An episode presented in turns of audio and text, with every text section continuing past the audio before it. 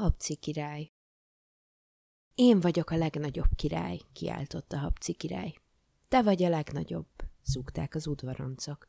Nem félek semmitől, folytatta Habci király. Nem félsz semmitől, bukták az udvaroncok.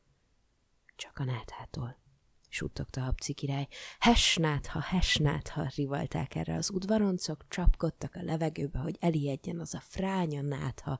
Borzasztó képet merezgettek a négy világtáj felé, de nátha ide ne gyere! Ezzel a szertartással kezdődött a nap Habci király udvarában, mert való igaz, Habci király ennyire félt a náthától. Jaj volt annak, aki Habci király országában eltűszentette magát, azon nyomban hosszú láncsákkal felfegyverzett poroszlók fogták körül, és elindult a náthamenet. Elől egy kürtös fújta, trattata trüttütű, mindenki félre az útból, búj rejtőz, mert hozzuk a náthást. A kürtös után, persze tisztes távolban, szegény náthás habci, utána meg még tisztesebb távolban a hosszú láncsások. Így kísérték a birodalom széléig, és ott hip-hop átzsupolták a határon. És hivatkozhatott nem szegény pára bármire. Jaj, nekem csak füst ment az orromba, azért tüsszentettem. Jaj, én meg borsot szagoltam. Jaj, én a napba néztem. Óvakodj a füsttől, ne szagolj borsot, ne nézz a napba mondták neki a lándzsások, és már terelgették is a határ felé. Habci király birodalmában tilos a tüsszentés. Ám mi történt egy szép keddi napon? Az udvaroncok épp ott tartottak a reggeli szertartásba, hogy hesnát, ha és akkor hapci, de akkor ám, hogy megremegtek bele a trónterem ablakai. A király egy nagyot tüsszentett. Megdermettek a nátha essegető karok, az udvaroncok báva képpel elhallgattak. Még csak azt sem mondta senki, hogy egészségére. Ami igaz, igaz, ebben az országban ez nem is volt szokásban. Dermet csend szállt a trónteremre, mire a király még egy hatalmasat tüsszentett. Jaj, mondta síri hangon, jaj, náthás vagyok. Nosza, óbégattak, rohangáltak, kapkodtak az udvaroncok, senki sem tudta, hová legyen, mihez kezdjen, mit kell ilyenkor csinálni.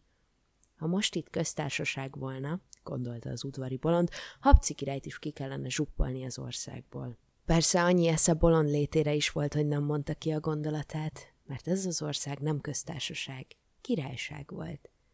Összedugták a fejüket az udvari bölcsek, de a nagy bölcsességből csak annyira futotta, hogy ágyba parancsolták Habci királyt, hasasdunnák és pocakos párnák közé. A jó meleg ágy, az kell neki, mondták. Habci, válaszolt rá a király, és még egyszer. Habci! Jaj, mit csináljunk, jaj, mit csináljunk, tanácstalankodtak a bölcsek. Küldjünk orvosért, javalta az udvari bolond. Kürtösök, hírvivők, dobosok, futárok és fullajtárok szedték nyakukba a lábukat, és hirdették országszerte, orvosok, kuruzslók, javasasszonyok, felcserek, lecserek, doktorok, faktorok, gyerünk mind a királyi palotába, tüsszög a király. Na jöttek is. Előzönlették a királyi udvart, fürdött a király kénes vízben, ivott májvagyökérfőzetet, inhalált kamillagőzben, iszappakolást kapott, kenegették galajjal, törzsölték urtikával, pirulát tablettát portnyeldeset, de mind hiába. Hapci, hapci, tüsszögött, csak úgy zengett. Megdühödött Habci király. Fürdetés, izzasztás, dögöny, ordította, de meggyógyítani azt aztán nem. Majd adok én ennek a sok sarlatánnak. Ide most már csak az jöjjön, aki segíteni tud rajtam. Ha meggyógyít, száz aranyat kap, ha nem, a fejét vétetem. Behúzta a nyakát a sok felcser és a többi fent említett, és szép csöndeskén lábújhegyen elsonfordált. Száz aranyunk bármikor lehet, gondolták, de fejünk csak egy van. Még ezer szerencse, hogy ott volt az udvari bolond. Megteszi az orvosnak, ha más nem akad. Ugyan már semmiség az a kis nátha, mondta az udvari bolond. Semmiség? Kis nátha, háborgott a király. Mindjárt szíjathasítok a hátadból. A bolond csitítóan emelte a kezét. Hallgass végig, uram, mondta. Ugye, ha egy nagy zsák kölest viszel a hátadon, és oda megy valaki hozzád, és magára vállalja a fele cipelését, megkönnyebbülsz. De még mennyire? mondta a király. Bár félzsák is épp elég nehéz lehet. De akkor jön egy másik ember, és magára vállalja a félzsák köleset felét. Értem már, mondta a király. A végén annyi ember jön a segítségemre, hogy mindenkinek csak egy szemkölest kell cipelnie. Az aztán semmiség. Itt elakadt. De mire megyek én ezzel a históriával, nem kölest kell nekem cipelnem, hallod, de hanem náthás vagyok, nem hallod? Náthás, hapci, hapci. Éppen ez az, mondta a bolond. A náthádot éppen úgy szét kell osztani, mint a kölest. Most egyedül cipeled az egészet, de ha szétosztanád alatvalóit között, mindenkire egy icinke-picinke nátha jutna csak. Nem igaz? Hogy neked mennyi eszed van? kiáltott Habci király, és már is szóltak a dobok, harsogtak a kürtök, gyülekezzen mindenki a vásártéren. Reszketett a nép, na most mi lesz? De nem esett senkinek bántódása. Amikor a birodalom minden teremtett lelke ott szorongott a vásártéren, megjelent közöttük Habci király, és Habci, Habci rájuk tüsszentett. Rájuk tüsszentett egyszer, rájuk százszor, rájuk ezerszer. Nem tudta a nép mi végre a tüsszögés, de egy jó negyed órácska múltán egy szegény koldus nem bírta tovább, ő is eltüsszentette magát. Na megijedtám, most őt kitoloncolják vége a jól jövedelmező kellemes koldusi pályafutásának. Beúszta a nyakát, várta a lándzsásokat, de a lándzsások helyett a király rontott oda hozzá, keblére ölelte a koldust. Már is jobban vagyok, mondta. Felen áthámat átvettett tőlem. A koldusnak megvolt a magához való esze, átszellemült képpel suttogta. Királyi náthám van. Az bizony, mondta a király. Ezennel kinevezlek udvari főtüsszögnökömmé.